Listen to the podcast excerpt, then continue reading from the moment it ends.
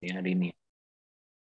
Oke semua, karena udah waktu kita mulai, kita mulai ya ibadahnya. Bisa dimulai dengan Queen yang pimpin kita dalam doa. Yuk Queen bisa dimulai. Oke. Terima kasih Tuhan karena berkat kamu Tuhan berkati kita semua. Kita mau sekolah minggu berkati growers, berkati kakak-kakak growers. Hari ini kita mau memuji Tuhan, mendengar Tuhan, Tuhan Yesus, Queen doa, haleluya, amin. Amin, makasih Queen. Oke, untuk pujian penyembahan aku ya share screen ya, bentar.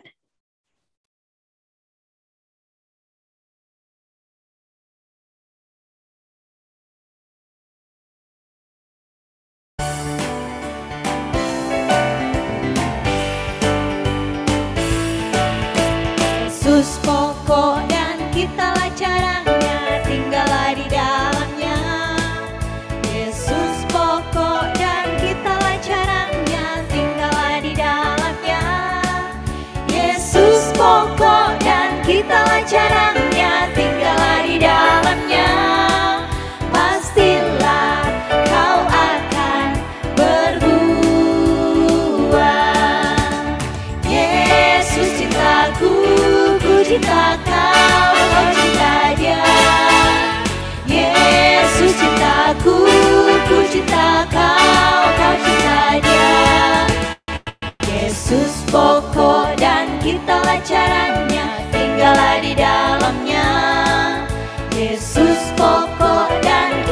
caranya, tinggallah di dalamnya. Yesus pokok dan kita caranya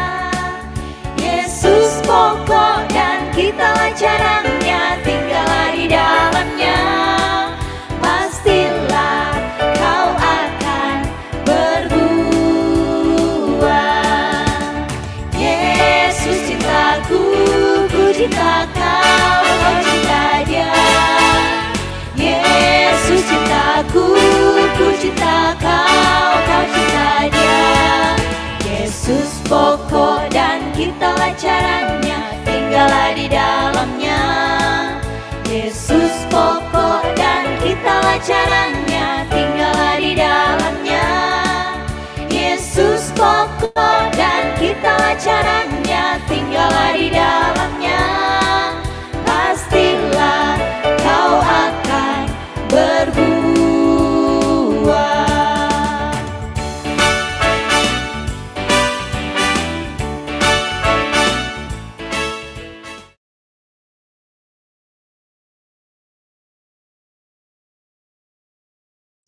Oke, sekarang kita masuk ke penyembahan ya. Yuk sama-sama nyanyi lagunya.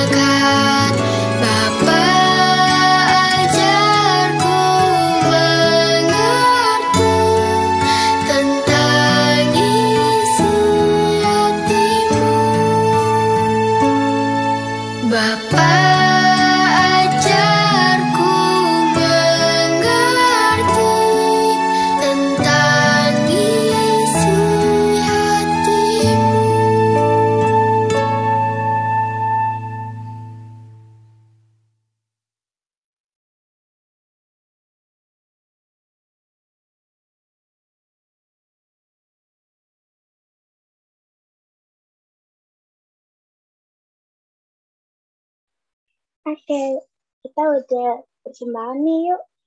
Sekarang kita mau masuk ke firman Tuhan. Yang dipimpin, kita berdoa dulu yang dipimpin sama Evelyn. Bapa kami yang di sorga, terima kasih untuk siang hari ini. Sebentar lagi kami akan duduk tenang mendengarkan sharing firman-Mu. Berkati kami semua yang hadir di Zoom ini, Tuhan. Haleluya, amin. Amin. Makasih Evelyn. Untuk selanjutnya aku serahin ke Cici Felis ya yang akan membawakan firman pada hari ini.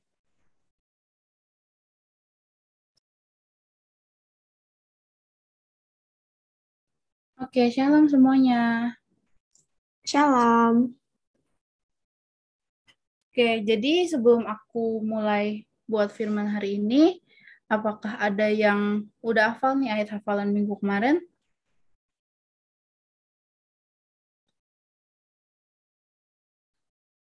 Oke, Devon. Oke, boleh dicoba. Yeremia 29 ayat 11. Sebab aku mengetahui rancangan-rancangan padaku mengenai kamu. Demikianlah firman Tuhan, yaitu rancangan sejahtera dan bukan rancangan kecelakaan, untuk memberikan padamu hari depan penuh harapan. Oke, benar-benar. Ada lagi yang lain?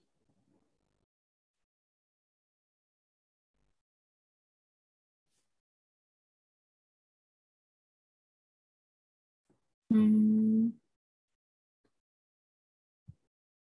Evelyn atau Monique atau Natania, Gladys, Darren, Sasa. Ada yang udah hafal? Cheris? Oke, kalau nggak ada, ntar aku, eh, kalian bisa hafalin dulu sekarang, ntar aku tanyain lagi di akhir ya. Oke, jadi ayat hafal minggu kemarin itu dari Yeremia 29 ayat 13. Sebab aku ini mengetahui rancangan-rancangan apa yang ada padaku mengenai kamu, demikianlah firman, Tu- firman Tuhan, yaitu rancangan damai sejahtera dan bukan rancangan kecelakaan untuk memberikan kepadamu hari depan yang penuh harapan. Oke, jadi kalian bisa eh, hafalin dulu, mungkin nanti aku tanyain lagi. Oke, aku bakal mulai firman yang hari ini ya. Jadi Papi Van tuh kemarin, minggu kemarin udah bahas mengenai uh, 12 pengintai. Jadi aku mau ngelanjutin hari ini itu tentang power of perspective atau kekuatan dari cara pandang. Nah, jadi uh, aku mau kasih tahu dulu nih kalau misalnya perspektif itu adalah cara pandang kita dan cara berperilaku kita uh, terhadap suatu masalah atau kejadian. Jadi bagaimana kita uh, meresponi atau gimana sih reaksi kita terhadap sesuatu masalah atau kejadian yang ada di hidup kita gitu. Nah, sebelum ke pembahasan kita, aku mau baca firman Tuhan dulu ya. Jadi ntar aku bakal pilih, hmm, aku bakal baca ayat genap, terus ayat ganjilnya yang satu itu Devon, yang ayat 3 Evelyn. Ayat 3 Evelyn, ayat 5 Natania. Oke. Bisa dimulai, Devon? Bilangan 14 ayat 1 sampai 10. Lalu segenap umat itu mengeluarkan suara nyaring dan bangsa itu menangis pada malam itu. Oke, ayat 2, bersungut-sungutlah semua orang Israel kepada Musa dan, Harun.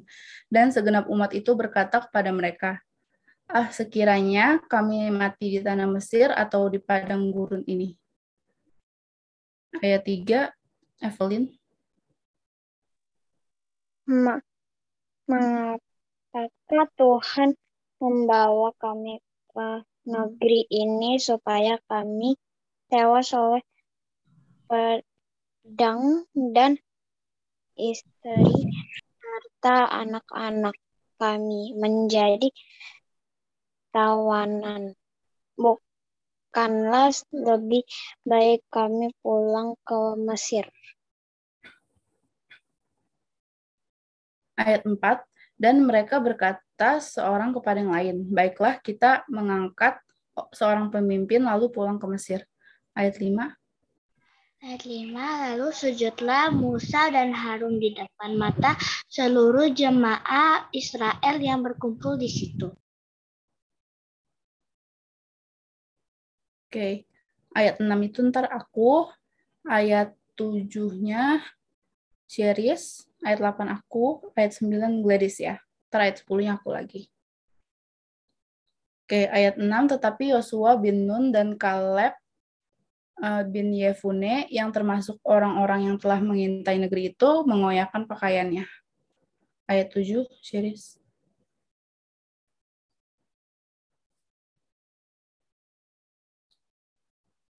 Hmm, Sheris, adakah? dan berkata kepada segenap umat Israel, negeri yang kami lalui untuk diintai itu adalah luar biasa baiknya. Ayat 8, jika Tuhan berkenan kepada kita, maka ia akan membawa kita masuk ke negeri itu dan akan memberikannya kepada kita suatu negeri yang berlimpah-limpah susu dan madunya. Ayat 9,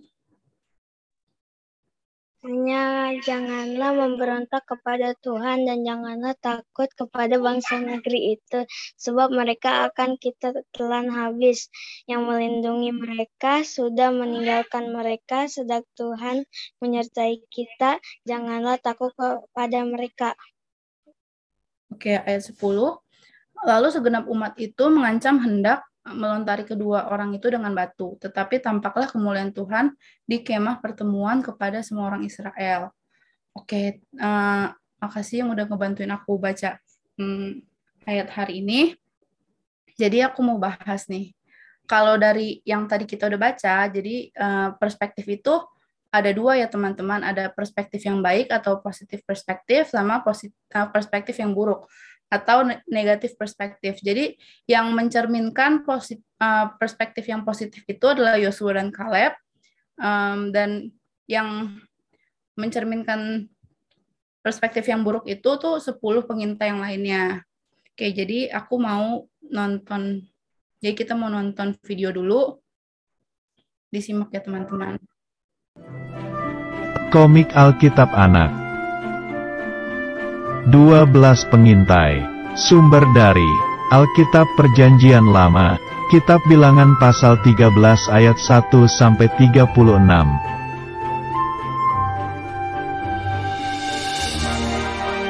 Suatu hari, Tuhan menyuruh Musa untuk mengintai tanah Kanaan sebelum memasukinya.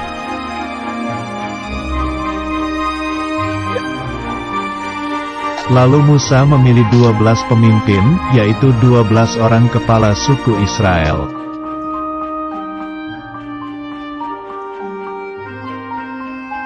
Dua belas orang ini disebut dua belas pengintai yang pergi ke tanah Kanaan.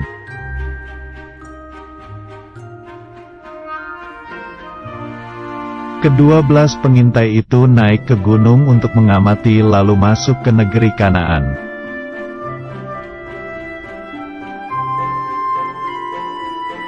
Di tanah Kanaan, para pengintai melihat anggur yang besar dan orang yang besar.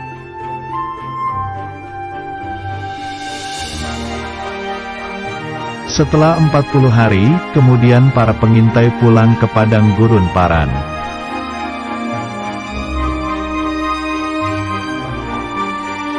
Para pengintai menemui Musa dan menceritakan kabar tanah Kanaan kepada umat Israel.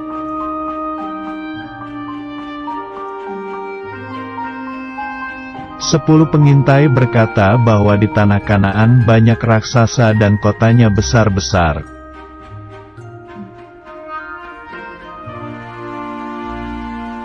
Lalu bangsa Israel menjadi takut tidak dapat mengalahkan orang-orang di tanah Kanaan.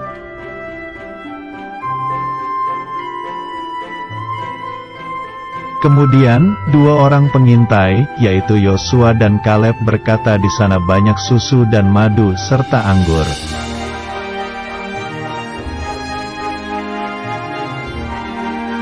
Tetapi, umat Israel tidak mau masuk ke tanah Kanaan dan mereka mau melempari batu ke Yosua dan Kaleb.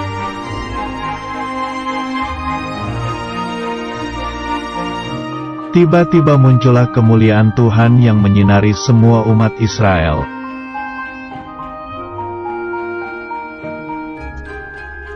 Kemuliaan Tuhan itu berasal dari kemah suci, lalu Tuhan berfirman kepada Musa.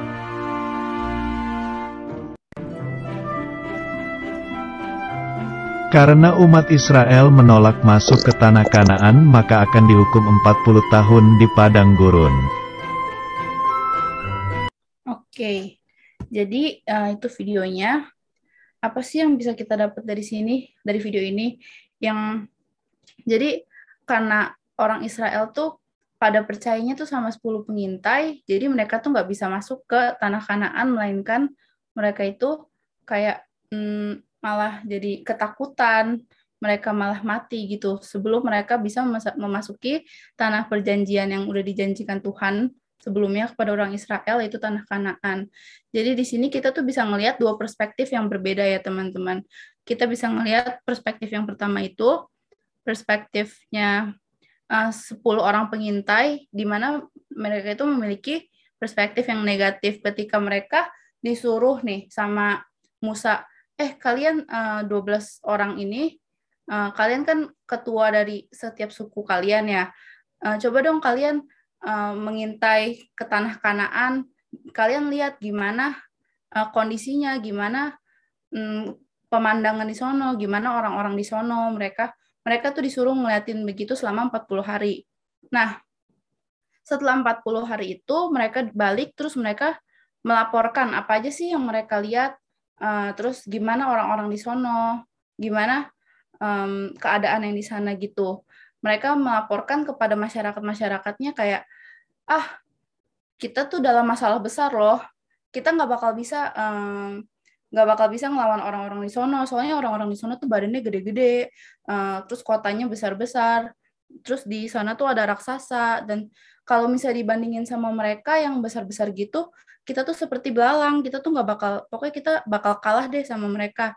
Nah um, perspektif mereka, pandangan mereka yang udah kayak berpikiran buruk gitu tentang tanah yang dijanjikan Tuhan itu tuh bakal membawa mereka kayak ke dalam tangisan, mereka tuh bakal ketakutan dan akhirnya mereka tuh mati sebelum mereka bisa masuk ke tanah Kanaan. Jadi hmm, mereka tuh kayak membuat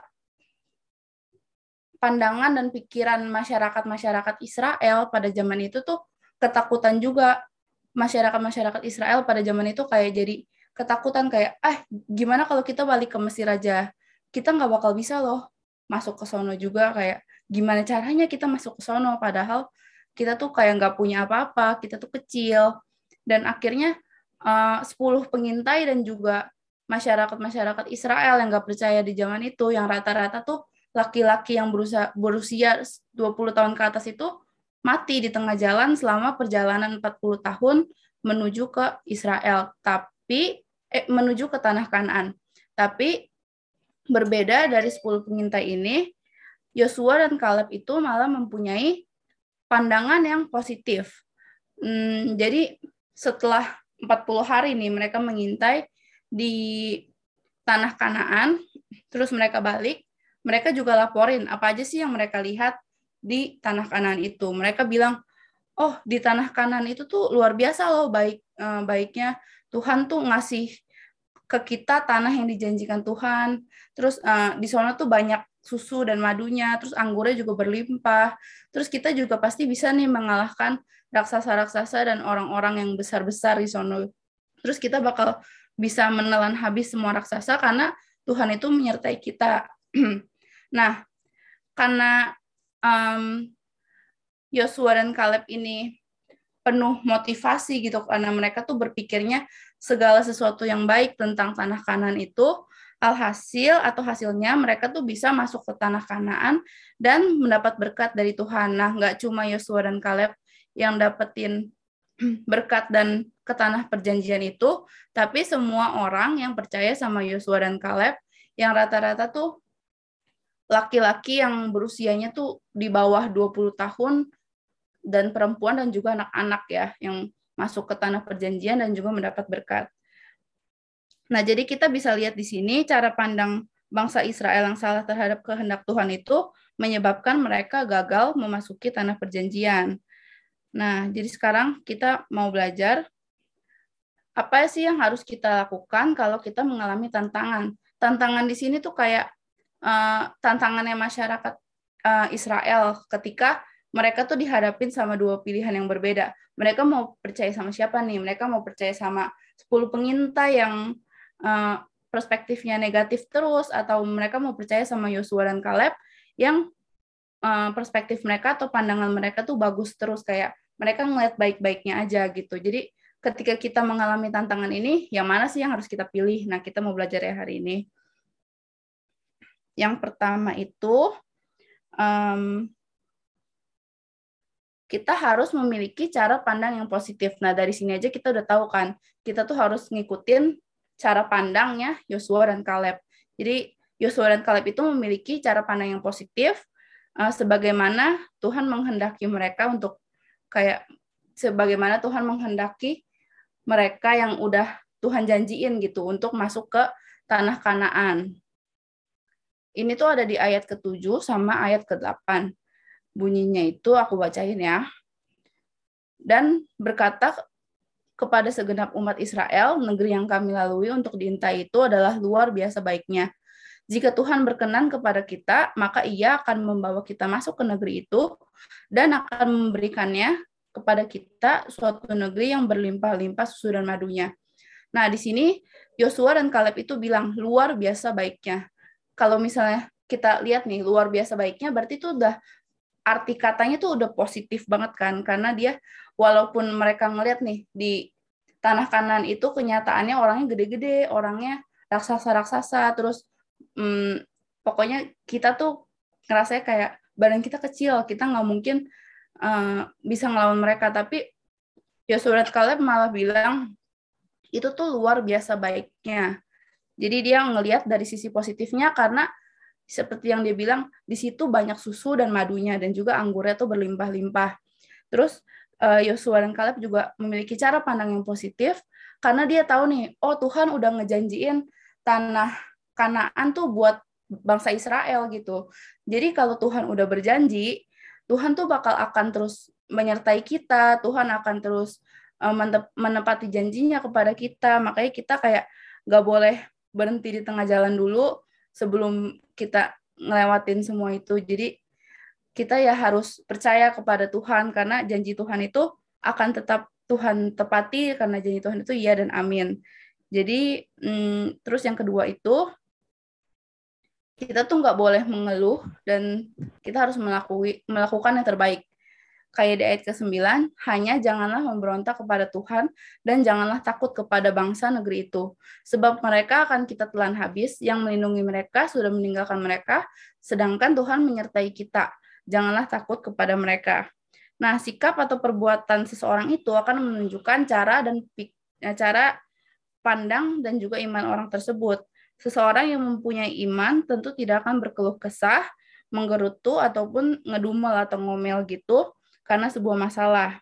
Kalau kita lihat dari respon Yosua dan Kaleb, mereka tuh mengajak supaya bangsa Israel tuh kayak nggak boleh ngebrontak kepada Tuhan dan jangan takut. Mereka tuh nggak boleh ngeluh kalau misalnya mereka tuh dihadapin sama satu masalah yang mereka tuh harus uh, mengusir ya, mengusir masyarakat-masyarakat yang ada di tanah Kanaan. Soalnya mereka tuh pasti bakal dilindungi sama Tuhan. Mereka nggak boleh takut, mereka nggak boleh mundur dulu, karena Yosua dan Kaleb tuh tahu kalau Tuhan tuh bakal tetap menyertai mereka. Jadi apa pun masalahnya, Tuhan tuh mau kita tuh terus melangkah maju. Karena uh, ya seperti yang kita tahu ya, kalau misalnya kita taat dan kita percaya sama Tuhan, Tuhan tuh bakal terus menyertai kita gimana pun masalah kita, apa pun masalah kita dan kapan pun gitu. Jadi ya mungkin emang kita nggak bisa mengubah keadaan yang kita alamin selama saat ini. Cuma masa depan kita tuh ditentukan oleh cara pandang kita, bagaimana cara kita memandang masalah-masalah itu. Kalau misalnya kita memandang masalah-masalah itu dengan negatif terus ya kita nggak bakal bisa maju. Tapi kalau misalnya kita memandang masalah itu dengan aku pasti bisa nih, aku pasti bisa ngelewatin ini, kayak aku pasti bisa uh, dapat nilai bagus di sekolah walaupun pelajarannya susah apa pun, aku pasti bisa kalau aku belajar. Nah, jadi kita tuh harus ngelakuin yang terbaik dari uh, kalau misalnya kita mau uh, memecahkan masalah-masalah kita gitu ya. Jadi untuk ini aku mau nutup ini dengan quotes dari Shiv Kera. Jadi your positive action combined with positive thinking results in success. Jadi kalau misalnya kita punya aksi atau kita punya kelakuan yang positif, terus kita menggabungkannya dengan pikiran atau cara pandang yang positif, itu tuh kita bakal meraih sebuah kesuksesan gitu teman-teman. Oke, jadi aku udah selesai untuk hari ini. Tuhan Yesus memberkati. Aku mau share ayat hafalannya buat minggu ini dari bilangan 14 ayat 8. Hmm, boleh, yuk kita baca bareng-bareng. Ayo semuanya.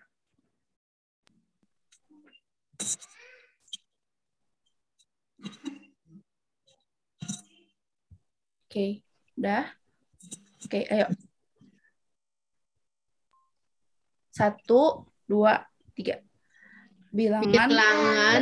14 ayat 8 ya Tuhan berkenan kepada kita. Yang akan ke negeri itu akan memberi kepada kita. Suatu negeri yang berlimpah-limpah dan madu. Oke, sebelum aku tutup, mungkin ada yang udah hafal ayat hafalan yang minggu kemarin? Kalau ada yang udah hafal, boleh raise hand.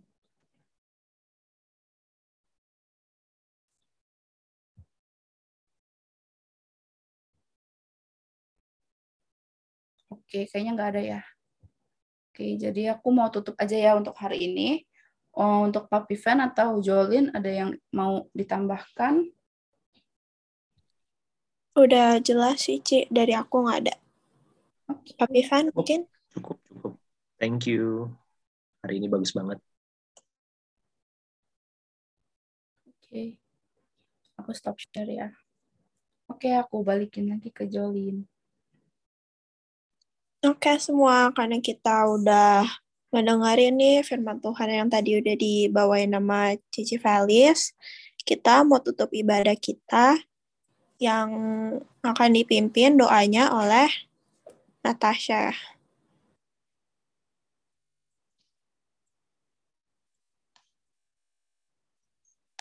Ada nggak di sini? Tasya nggak ada kayaknya. Nggak ada. Diganti siapa nih, Pi? Ganti Sasa aja boleh. Oh, oke, okay, oke. Okay. Sasa, bisa pimpin dalam doa?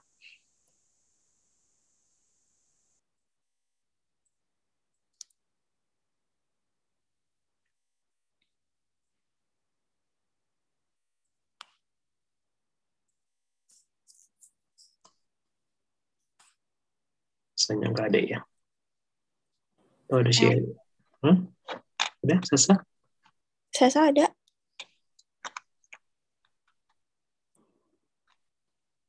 Lagi freeze kayaknya. Oke, yang lain saja. Oke, oke. Mungkin bisa siapa? Series mungkin?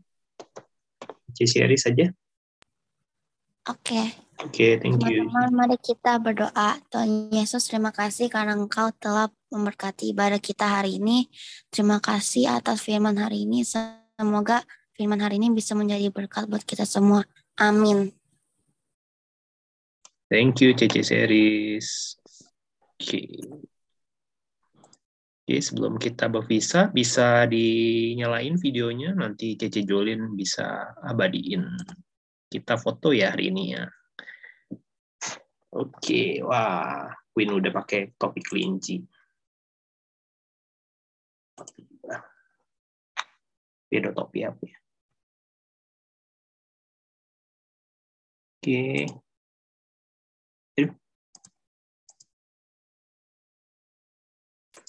Topi pizza. Oke. Cece Jolin bisa difotoin atau? Ya, aku bisa. Oke. Kasih tanda ya, C. Foto bareng-bareng ya. Satu, dua, tiga.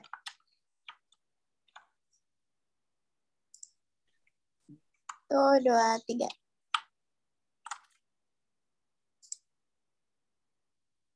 Oke, udah. Wih, Monik lagi dibikin bottom juga. Iya, lagi dibikini bottom. Oke, thank you growers. Happy Sunday all. Sehat-sehat Happy semua ya. Sunday. Happy Sunday. Thank you Cici Jolin, Cici Chelsea, Pak teachers. God bless you. Happy Sunday. Bye. God bless. Bye-bye. God bless. See you next week. Dadah.